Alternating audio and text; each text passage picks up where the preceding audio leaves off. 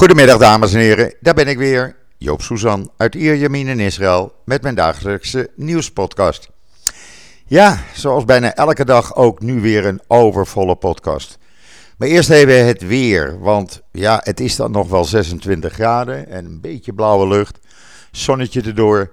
Maar de winter komt eraan. Uh, er zijn al spotjes op televisie elke avond over uh, kortsluiting, de kabels die naar beneden komen, die hier natuurlijk elektriciteitskabels boven de weg zijn gespannen. in de straten, in de buurten. En we krijgen hevige regen, onweer, hagelbuien. Er wordt gewaarschuwd voor overstromingen. Nou ja, we kunnen onze regenjas en zuidwester klaarzetten. Het gaat allemaal morgen beginnen, heel voorzichtig. Vrijdag wat meer regen en zaterdag zou het los gaan breken. Nou, we gaan het meemaken. We gaan het zien. We zitten nu op uh, uh, 17 november. Het wordt wel eens een keertje tijd natuurlijk. Alleen, ik hoop dat het niet zo lang duurt. Maar ze hebben gezegd, maandag dan, uh, dan gaat het weer alweer verbeteren. En dan gaan we weer op naar de 25 graden. Het gekke is wel, de temperatuur blijft redelijk. 22 graden, ondanks dat men roept, de winter komt eraan. Dan eerst even over meneer Baudet.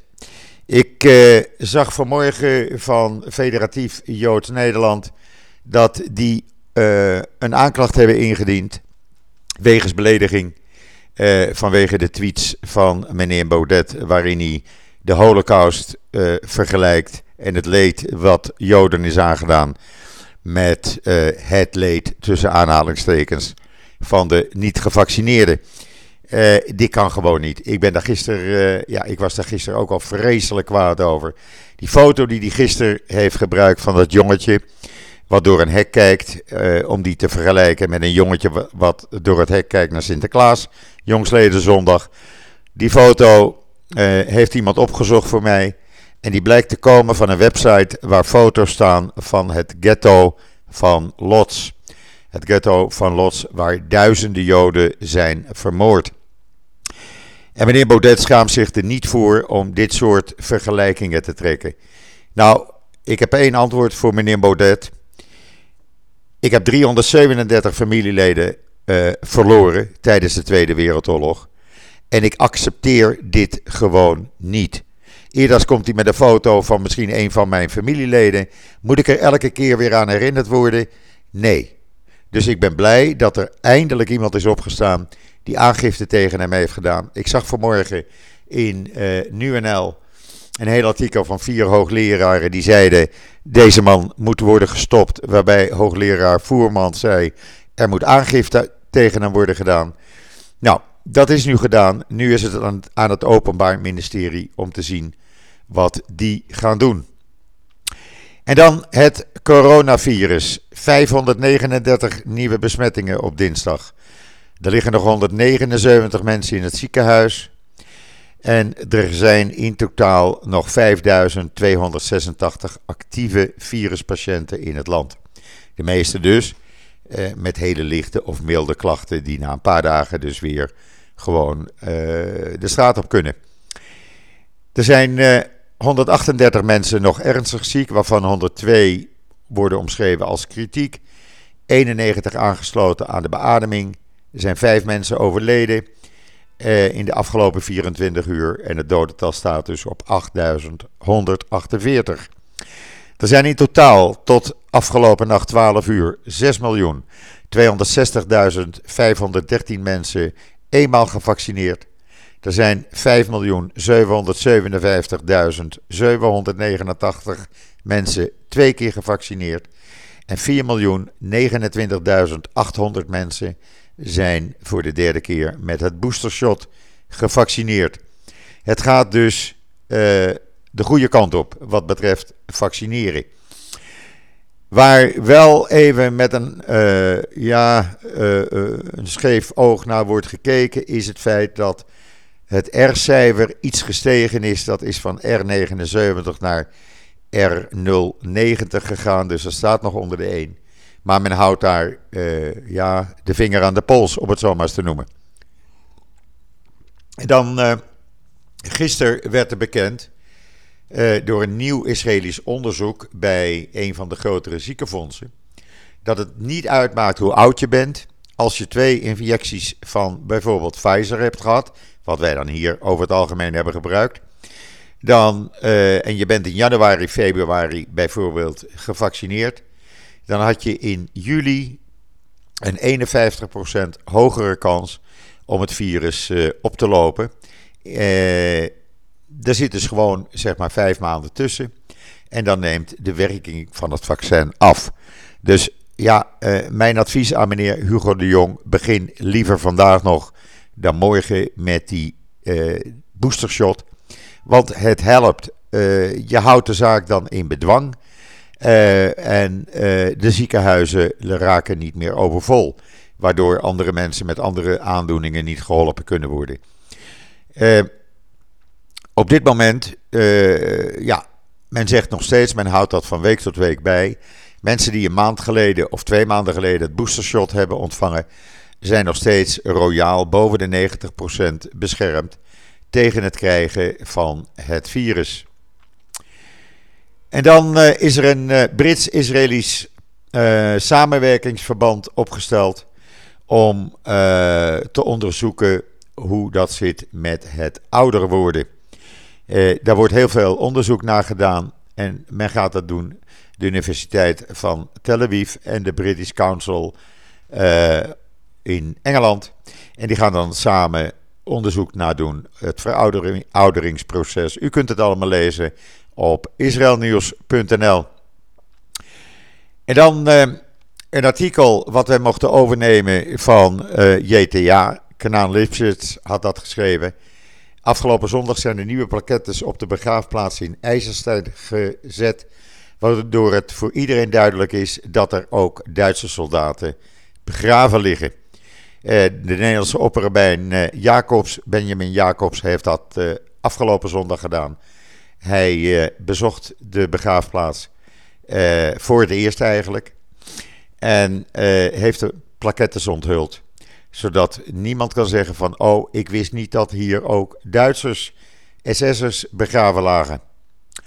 En dan gisteren is er een hele grote oefening geweest. U kunt het allemaal lezen op israelnieuws.nl. Tussen de belangrijke gasdivisie van de IDF. Die hebben een hele grote oefening gehouden met duizenden soldaten. En daar zijn ook uh, premier Bennett en minister van Defensie Gans bij aanwezig geweest.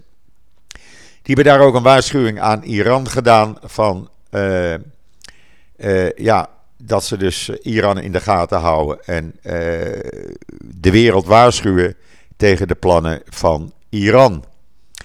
En dan het Israëlische bedrijf NanoCent heeft een apparaatje ontwikkeld waarbij je via de, uh, de adem van iemand uh, een indicatie krijgt van verschillende ziektes, waaronder het COVID-19-virus. Je moet er even in blazen. En doe je dat, dan uh, analyseert dat apparaatje de ingeblazen lucht. En via een soort airbag met sensoren. En dan via een slim algoritme krijg je de uitslag wat dat die persoon eventueel markeert. Dat is op basis van moleculen. En uh, ja, het werkt. Het werkt uitstekend en het is binnenkort voor iedereen beschikbaar. U kunt het allemaal lezen op israelnieuws.nl. En dan Iran heeft bekendgemaakt dat de een tijdje geleden door, uh, ja, men zegt de IDF, aangevallen centrifugefabriek waar ze dus dat uh, uranium uh, maken, uh, dat ze daar de zaak hersteld hebben en beginnen met het werk weer, weer meer nucleair materiaal maken. de VN mocht daar niet in, dus Iran doet wat zij willen. Dat is een gevaarlijke ontwikkeling, kan ik u wel zeggen. En dan hebben we gisteren uh, natuurlijk dat uh, proces gekregen, de eerste dag weer van de nieuwe kroongetuigen tegen Netanyahu. Nou, dat is uitgesteld. Uh, na een uurtje werd het al uitgesteld. Omdat er natuurlijk nieuw bewijsmateriaal op tafel kwam. Waarvan Netanyahu eerst zei van daar wist ik helemaal niets van. Maar er zijn nu geluidsopnames bekendgemaakt. Gisteravond op televisie trouwens. Waarbij je Netanyahu uh, zijn vrouw hoort zeggen: Ja, mijn man vindt die gouden uh, juwelen met diamanten niet mooi. Kan ik ze ruilen? Of kan je ze ruilen? Uh, dus Netanyahu wist het wel. In ieder geval is dat proces tot maandag uitgesteld. Dan begint het verhoor van een van zijn belangrijkste voormalige assistenten. Maar gisteren onderweg naar de rechtbank werd een reporter van Channel 13 met een stok op zijn hoofd geslagen. Zijn keppeltje uh, werd er afgeslagen. En hij werd uitgescholden voor van alles en nog wat. Omdat hij verslag bracht van uh, uh, het proces tegen Netanyahu. En de man die getuige, de belangrijke getuige, Nier Heffets, die heeft inmiddels aangifte gedaan. Want die werd gisteren, nadat hij de rechtszaal verliet, op straat uitgescholden en gezegd: uh, Je leven ben je niet meer zeker. En jij moet, doden, jij moet dood en jij mag niet meer leven. Nou, dat waren maar gelukkig een paar mensen. Net aan jou had gezegd: er zijn honderdduizenden mensen bij de rechtbank morgen. Had hij op maandagavond gezegd in een uh, filmpje. Nou, er stonden er een, uh, een dozijn of zo. Maar die waren wel fanatiek, moet ik u zeggen. En dan goed nieuws voor reizigers naar Israël. Want uh, men gaat binnenkort beslissen hier bij het ministerie van Volksgezondheid, een van deze dagen, om de testregels voor aanvang van de vlucht te veranderen.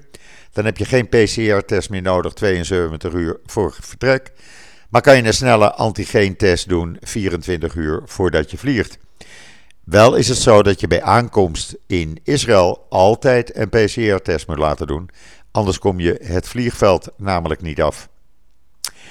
En dan, uh, ik heb er al een aantal keren over geschreven, het bedrijf Redefine Meat, wat 3D geprint vlees uh, ja, fabriceert, laat ik het zo maar zeggen, kweekt. Nou, die gaat beginnen met het aanbieden van dat 3D geprinte plantaardige vlees bij een aantal geselecteerde high-end restaurants. Uh, dat is in verschillende landen, waaronder Nederland. Want het uh, Michelin sterrenrestaurant van Ron Blauw, Ron Gastrobar, die gaat het ook uh, serveren. En ik kan u zeggen, alle testen tot nu toe, ik heb het op televisie diverse keren gezien. Er zijn video's op YouTube. mensen met blinde doeken voor, ze konden het verschil niet proeven tussen dit gemaakte vlees en het echte vlees. En dan de UNRWA, die heeft geklaagd. Want UNRWA zit bijna zonder geld. En ze kunnen de 5,7 miljoen zogenaamde Palestijnse vluchtelingen in Syrië, Libanon, Jordanië, Gaza, de Jordaanoever en Oost-Jeruzalem uh, kunnen ze niet meer helpen. Dat zijn uh, vluchtelingen waarvan al sprake is van vijfde en zesde generatie. Uh, in wezen zijn er als je kijkt naar de echte vluchtelingen, zijn er zo'n goede 20.000 die echt nog, dat zijn oudere mensen, waarvan je kan zeggen: oké, uh, dat zijn 80ers, 90, 91. En die zijn inderdaad toen zelf het land uitgevlucht. Uh, op verzoek van de Arabische leiders toen de tijd, die zeiden in 1948 tegen de Arabieren: Ga maar even weg, wij zullen de Joden eruit jagen en dan kunnen jullie weer terugkomen. Nou, het liep dus even anders. En dan de, de Israëlische regering gaat een techpark eh, bouwen voor eh, de Arabische sector. En dat eerste techpark komt in Nazareth. En eh, dat is bedoeld om meer Arabieren, meer Israëlische Arabieren in de high-tech te laten werken. De high-tech komt heel veel banen te, uh, personeel tekort, zo'n kleine 14.000. En men heeft uh, Arabische werkers nodig en die willen maar wat graag. Die kunnen ook veel geld verdienen. En uh, op dit moment werkt maar 2% van de Israëlische Arabieren in de high-tech. En men wil dat minstens naar 10% verhogen. Een goed initiatief, zou ik zeggen. Wat ook goed is, het vierde seizoen van Fauda, of Fauda, is begonnen met opnames. Die vinden plaats in Israël en in Oekraïne. Uh, er staat een foto, uh, ik had het gisteren al op Twitter aangekondigd, een foto nu in de Jeruzalem Post. Het gaat over confrontaties met uh, Hezbollah-activisten uit Libanon en Palestijnse militanten op de Westbank. Daar gaat het verhaal over. En de vierde serie bestaat uit tien episodes, dus we kunnen onze lol op. Uh, en dan, uh, ja, er is nog meer hoor, want er zijn er nog niet. Dat Israëlische koppel, wat dus in uh, Turkije gevangen zit, dat wordt waarschijnlijk gebruikt als wisselgeld door de Turkije om meer informatie van de Mossad te krijgen en meer samenwerking met de Mossad. Die minister van Binnenlandse Zaken die gisteren gezegd heeft, ja, het is allemaal spionage, ze hebben dat bewust gedaan, ze werken voor de Mossad. Dat is allemaal niet waar, want uh, er zijn gisteravond filmpjes uh, op televisie verschenen. Je kunt zo zien op mijn Twitterlijn. En anders even naar de Times of Israel of Jerusalem Post gaan. Waarbij uh, je de vrouw die nu gevangen zit, ziet optreden in reclamefilmpjes van Egged, de busmaatschappij waar zij chauffeur is. Nou, iemand die spion is, gaat niet in reclamefilmpjes optreden. Dat kan ik u verzekeren. Ik ben niet zo in de spionage, maar dat, uh, dat weet ik nog wel. Dus ja, ze worden als een soort wisselgeld gebruikt. Ik zou maar oppassen als u naar uh, uh, Turkije wilt gaan. Want als je een foto maakt en het huis van Erdogan staat erop, ja, dan ben je de pineut. En dan uh, word je opgepakt in Turkije. Uh, ik zie net dat het op Times of Israel uitgebreid met video staat. En reclame posters van Egged waarin die vrouw te zien is. dan kunt u voor uzelf zien, is dat nou een spion of niet. en dan ja, vandaag is het twee jaar geleden dat in China de eerste COVID-19-patiënt werd uh, ontdekt. Een uh, niet geïdentificeerde 45, 55 jaar oude man uit uh, de Hubei-provincie in China. En twee jaar geleden begonnen we dus in deze ellende te komen. En ik moet u zeggen, de time flies, want ik realiseerde me niet dat dat al twee jaar geleden is. Maar het is zo. En dan opnieuw in Badjam deze keer een appartementengebouw ontruimd, omdat men bang is dat het in gaat storten. Er zijn in de zestiger jaren in Israël heel snel heel veel appartementen gebouwd. Iedereen die in Israël is geweest wel, die kent de, appartementen die op een soort pilaren staan. Nou, dat soort gebouwen, die scheuren nu. En die staan op instorten. Er is er pas uh, eentje in Golon ingestort. En men is bang dat deze ook gaat instorten, dus de bewoners zijn eruit gehaald. En dan uh, uh, waren er ruim 30.000 uh, toeristen vanaf 1 november tot nu al in Israël aangekomen. En wat blijkt, daar zaten er ruim 550 onder die meteen linea recta op het vliegtuig terug zijn gezet. En waarom? Een aantal maar dat is een minimale minderheid vanwege onjuiste COVID-papieren, vervalst of het niet voldoen aan de testen. Maar het merendeel kwam uit Oost-Europa en Afrika en deden zich voor als toerist. Maar bleken gewoon hier uh, ja, asiel te zoeken. Nou, daarvan heeft Israël gezegd: uh, geen gelukzoekers. Huppakee, meteen op het vliegtuig terug. Uh, daarop aansluitend, de duizenden Soedanese, ja, laat ik maar zeggen, illegalen die hier zitten, die zijn bang dat ze teruggestuurd gaan worden. Nu Israël langzamerhand uh, naar normalisatie met Sudan gaat. en ja, nu zijn ze bang dat ze het land uit worden gezet. dan, ja, het huiselijk geweld. Dat is met 10% dit jaar tot nu toe gestegen. En dat komt allemaal, heb allemaal te doen met COVID-19. Mensen zaten, we zaten twee keer in een lockdown dit jaar. En er zijn dus eh, tot oktober, tot en met oktober, bijna 8000 meldingen geweest van huiselijk geweld.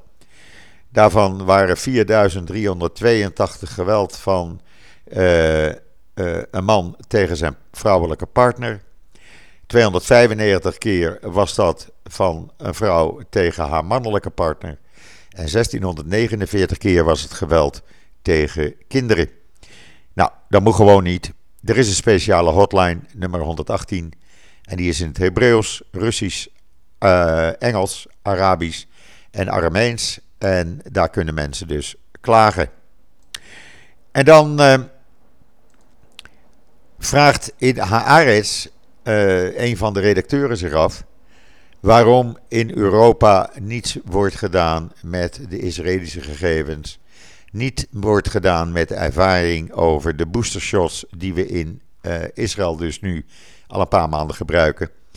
Uh, het blijkt wel dat uh, landen zoals bijvoorbeeld Noorwegen, die begint met de derde dosis te geven voor iedereen boven de 18 jaar. Vanaf december. Italië gaat hetzelfde doen. Engeland gaat iedereen vanaf 40 jaar een derde boostershot geven. Dus er zijn wel landen die kijken naar Israël. Ook Amerika kijkt ernaar. Dat had ik u gisteren al uitgelegd. Uh, want die professor of dokter Fauci, zeg maar de, de Amerikaanse viruszaar, die heeft gezegd dat die elke keer wachten ze op materiaal uit Israël voordat ze een beslissing nemen om iets te doen. En daarna gaan ze ja, eigenlijk één op één kopiëren. Dus ja, ik wou dat, nou, dat het nou in Nederland ook eens een keer gebeurt. Gewoon wacht niet langer. Begin met die boostershots. En hou op met dat oeverloze gepraat over allerlei futiliteiten. Het werkt. En ook al is het niet gegarandeerd voor werking voor een jaar of zo. Het werkt in ieder geval volgens Israëlische experts tussen de zes en acht maanden. Dus dan ontlast je de ziekenhuizen.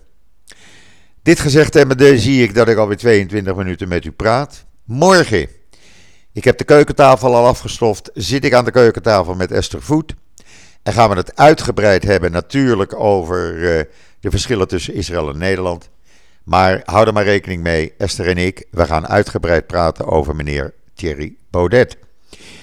Uh, Rest mij u nog een hele fijne voortzetting te wensen van deze woensdag, de 17e oktober, uh, november. Sorry. Ik ben er morgen weer en zeg zoals altijd: tot ziens, tot morgen.